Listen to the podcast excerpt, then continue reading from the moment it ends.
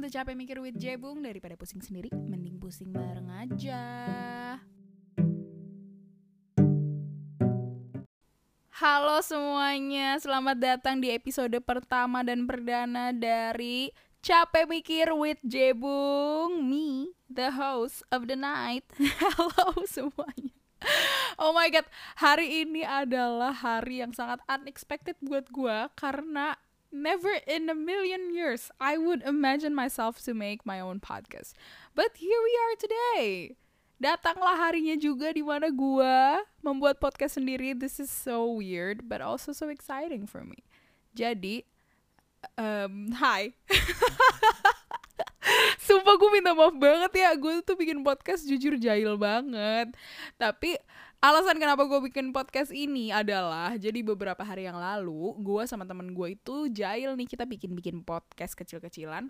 Terus pas gue ngerasain prosesnya I was like oh my god this is so fun and it feels like free therapy for me gitu loh. Karena kayak gue ngomong bermenit-menit berjam-jam bareng teman gue we were having fun and ya udah gitu. So gue pikir-pikir lagi kenapa gue nggak bikin aja sendiri gitu ya. Karena menurut gue podcast membuat podcast itu kayak cocok gitu loh kayaknya buat gue karena gue adalah seseorang yang uh, lumayan an overthinker dan gue tahu gue nggak sendiri. Gue kalau lagi capek mikir gue tuh suka acting seakan-akan gue tuh lagi di interview ngeliat kaca sambil uh, rasanya tuh lagi di interview sama uh, Vogue magazine gitu loh. Jadi kalau lagi capek mikir tuh biasanya gue ngeliat kaca terus seakan-akan ada nih interviewer yang uh, peduli sama masalah hidup gue terus gue langsung cerita aja oh iya jadi um, hidup saya masalahnya lagi kayak gini gini gini. Padahal mah ngomong sendiri gitu ya kenyataannya gitu. Emang kebiasaan. Terus gue pikir-pikir lagi eh daripada gue ngomong sendiri ke kaca kenapa tidak kita monetisasi aja kegabutan ini? Gitu loh daripada gue capek mikir sendiri mending gue bagi-bagi aja nih omongan-omongan gak jelas gue ini ke orang-orang gak jelas yang juga lagi dengerin gue sekarang So, by the way, thank you for listening. Kalau kalian uh, sekarang nggak tahu nih udah ke menit keberapa dan masih ngelistening ke gue, eh, masih ngelistening itu apaan anjir? Itu kata apaan? Masih mendengarkan gue sampai sekarang. Hai, hai, hai, hai, Jebung. So, karena ini adalah hari pertama, episode pertama, jadi uh, tema, aduh, tema gak tuh, ya ampun, ih, cringe deh gue dengerin diri gue sendiri ngomong kayak gini. Tapi hari ini kita bakal ngomongin soal kehidupan gue sekarang lagi kayak gimana ya. Kita basic-basic aja kali ya, karena ini juga episode pertama. So, we are going to talk about life right now apalagi sekarang lagi PPKM I'm going to talk about uh, apa aja yang lagi gue lakuin dan apa yang gue rasain mendelep sendiri di kamar. Karena gue tahu kalian juga sekarang lagi mendelep sendiri juga di rumah. Semoga kalian sih lagi mendelep sendiri di kamar ya di rumah. Karena kalau kalian keliaran uh, jujur marah. Oke pulang. Sekarang pulang. Kayak di rumah aja gitu PPKM empat huruf yang agak mm, menyebalkan dan menyeramkan bagi kita semua tapi harus kita jalani sekarang. Di PPKM ini jujur gue telah melakukan banyak hal-hal baru. Mulai dari gue nyoba diet gue um, working out gue coba olahraga gue ganti sabun gue ganti sampo gue bikin shower rutin baru gue nyobain meditasi untuk pertama kali. PS ternyata beneran menenangkan. Jadi recommended coba meditasi sekarang. Tapi yang membuat PPKM ini sangat berkesan buat gue adalah karena di masa PPKM gue baru merasakan my first real heartbreak. Oh my god ini memalu-maluin gak sih gue ngomongin ini? Bodoh amat lah. Like what the hell let's just talk about it. Yeah I just said it. Gue baru ngerasain pertama kalinya patah hati di ppkm ini. Kenapa gue bilang pertama kali? Karena gue baru sadar gue gak pernah patah hati gitu loh.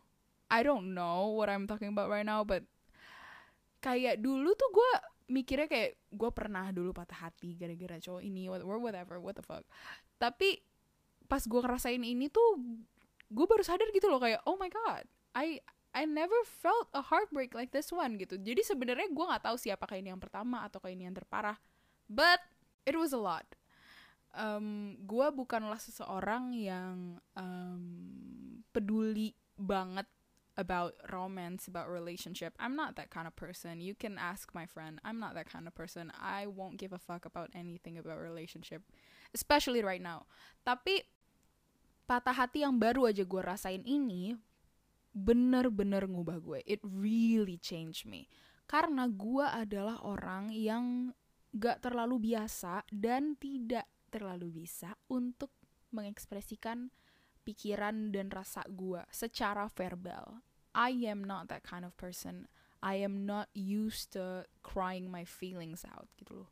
Karena mungkin gue uh, tumbuh di keluarga yang emang tidak membiasakan hal-hal itu gitu loh. Gue nggak biasa untuk uh, nangisin masalah gue. Gue nggak biasa untuk merasa hal-hal seperti ini tuh perlu dinangisin tuh gue nggak biasa apalagi gue adalah cewek sendiri di rumah gue uh, tiga bersaudara abang adik gue cowok semua so expressing my feelings it's not something that I used to makanya pas gue ngerasain ini pertama kali nih gue bingungnya luar biasa.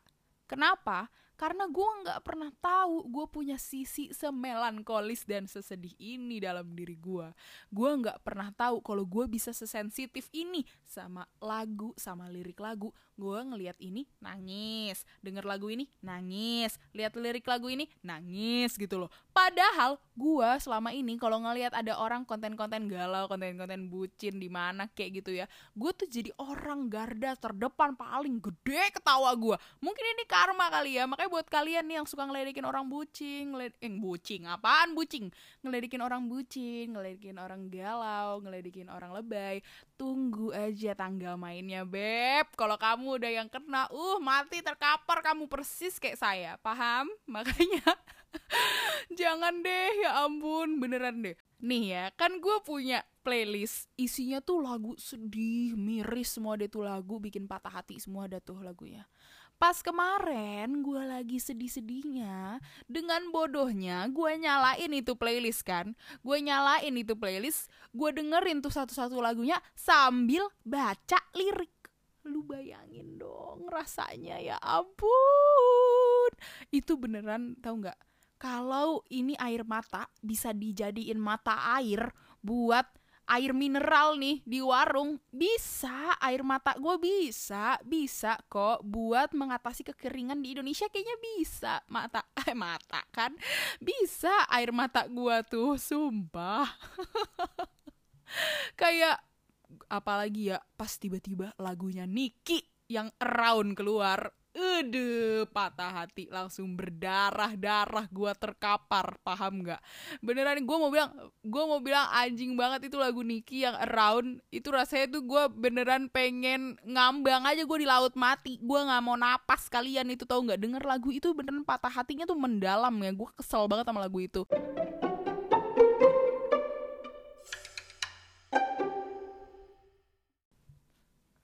Setelah ngerasain my first heartbreak, ada beberapa hal yang gue notice, ada beberapa hal yang gue sadari. Ternyata patah hati itu punya episode. Asik. Patah hati itu punya fase. Misal, fase pertama adalah fase di mana lo sudah mulai kerasa tuh sedih-sedihnya.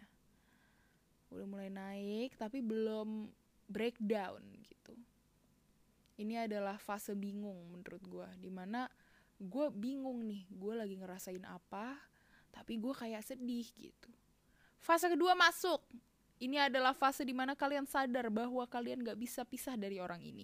Jadi kalian udah mulai breakdown, nangis sekenceng-kencengnya, sensitif, denger ini nangis, denger itu nangis, denger ini sakit hati, denger itu sakit hati.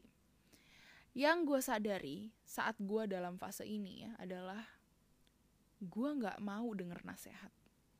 Gue nggak ngerti ya kenapa ya. Apakah orang-orang kayak gini juga? Tapi yang gue rasain adalah saat gue kan cerita ya sama teman-teman gue. Gue cerita kalau gue nangis-nangis gitu ke teman gue. Gue cerita.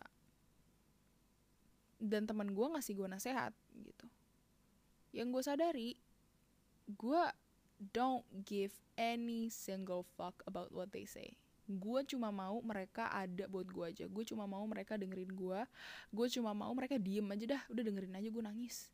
Karena pas mereka ngasih nasehat nih masuk kuping kiri keluar kuping kanan gitu loh. Karena di masa-masa ini adalah masa-masa paling berantakan menurut gue lo masih figure out apa yang lo rasain lo masih cari tahu apa yang bikin lo sedih dan kenapa lo sedih.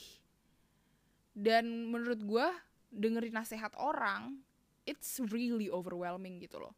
Pas gue lagi sedih-sedih ya terus teman gue bilang kayak ya udahlah dia bukan buat lo lah anjing gini gini gini gue kayak apa anda lu fuck? Di pikiran gue tuh kayak udah lalu diem aja gitu loh. Maksud gue gue lagi emosional nih udah lu dengerin gue aja gitu. Dan lanjut ke fase selanjutnya fase selanjutnya gue entah kenapa ini buat gue aja ya gue nggak tahu kalau orang lain ngerasain juga. Fase selanjutnya gue merasa ada amarah di diri gue somehow I changed the sad part of me to be this angry angry woman gitu loh. Gue tiba-tiba marah. Gue tiba-tiba nggak terima gitu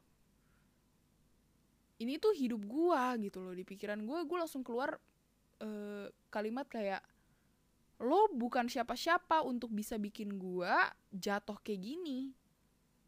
Gitu gue marah semarah-marah kayak anjir kok jadi lo yang nentuin emosi gue gitu. Kayak this is my life. I I am supposed to be happy with or without you.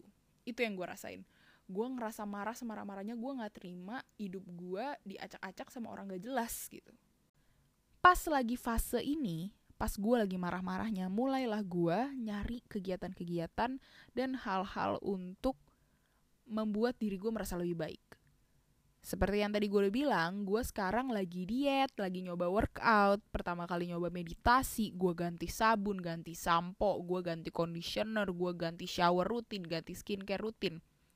Ini semua ada karena fase ini karena fase gue lagi marah-marahnya gue nggak terima hidup gue diajak-ajak sama orang. So I was somehow I was trying to get my life together and I was searching for things that can make me feel better. Dan buat gue ya itu gue beneran skincare setiap hari tiba-tiba rajin dan lain-lain gitu loh.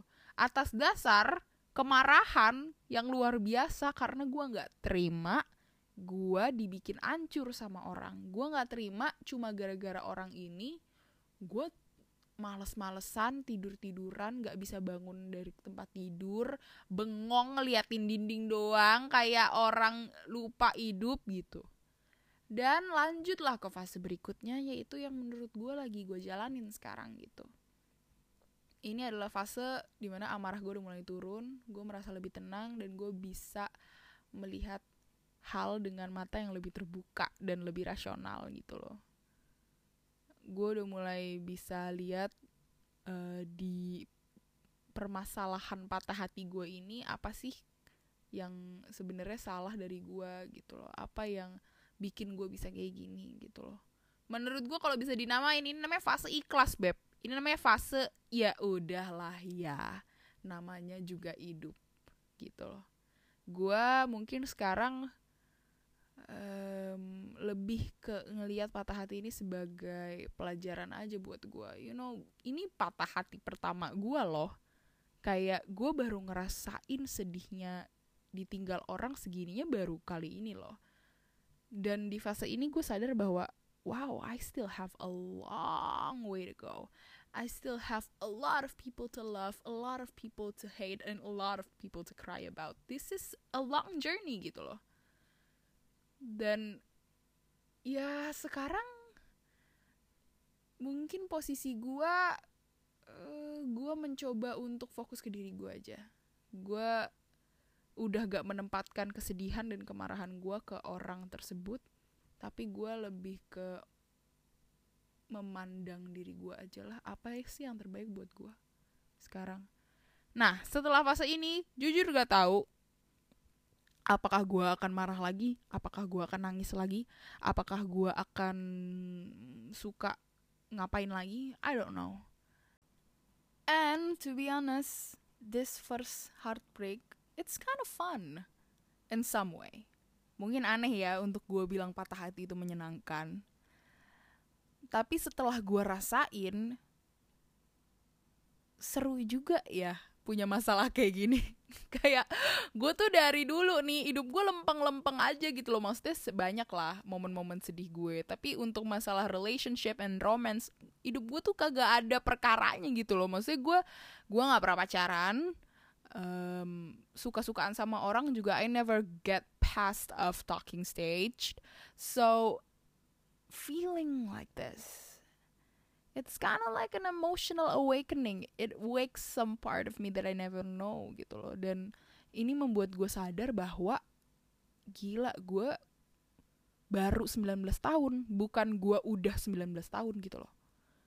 Sekali lagi gue bilang I still have a long way to go. Bahkan perkara rasa aja gue ternyata masih punya rasa-rasa yang belum gue explore gitu loh sampai sekarang. Gue baru ngerasain patah hati pertama gue. And I think it was beautiful. I think it has given me given me a lot of lessons to learn. Dan you know, somehow I look forward for the next heartbreak. Buat kalian yang ada di rumah nih, semoga ada di rumah. Kalau nggak lagi di rumah, sekali lagi pulang lagi koroncis bro di rumah ya say buat kalian yang ada di rumah if you are going through a hard time right now kalau lu lagi ngerasa susah lagi ngerasa patah hati kayak lagi gue rasain sekarang just be sure that it will be past like it will go away eventually time heals okay? waktu akan terus berjalan dan rasa lo akan pergi dengan sendirinya. Kalaupun gak pergi, gue yakin akan berkembang. Dan tugas lo ya untuk mendorong diri lo sendiri untuk menjadi yang lebih baik dan mengolah rasa itu menjadi sesuatu yang mendorong lo menjadi lebih baik gitu. I am not an expert of love. I am not an expert of relationship. I am not an expert of heartbreak. But I just went through my first one and I think it was beautiful and it was exciting.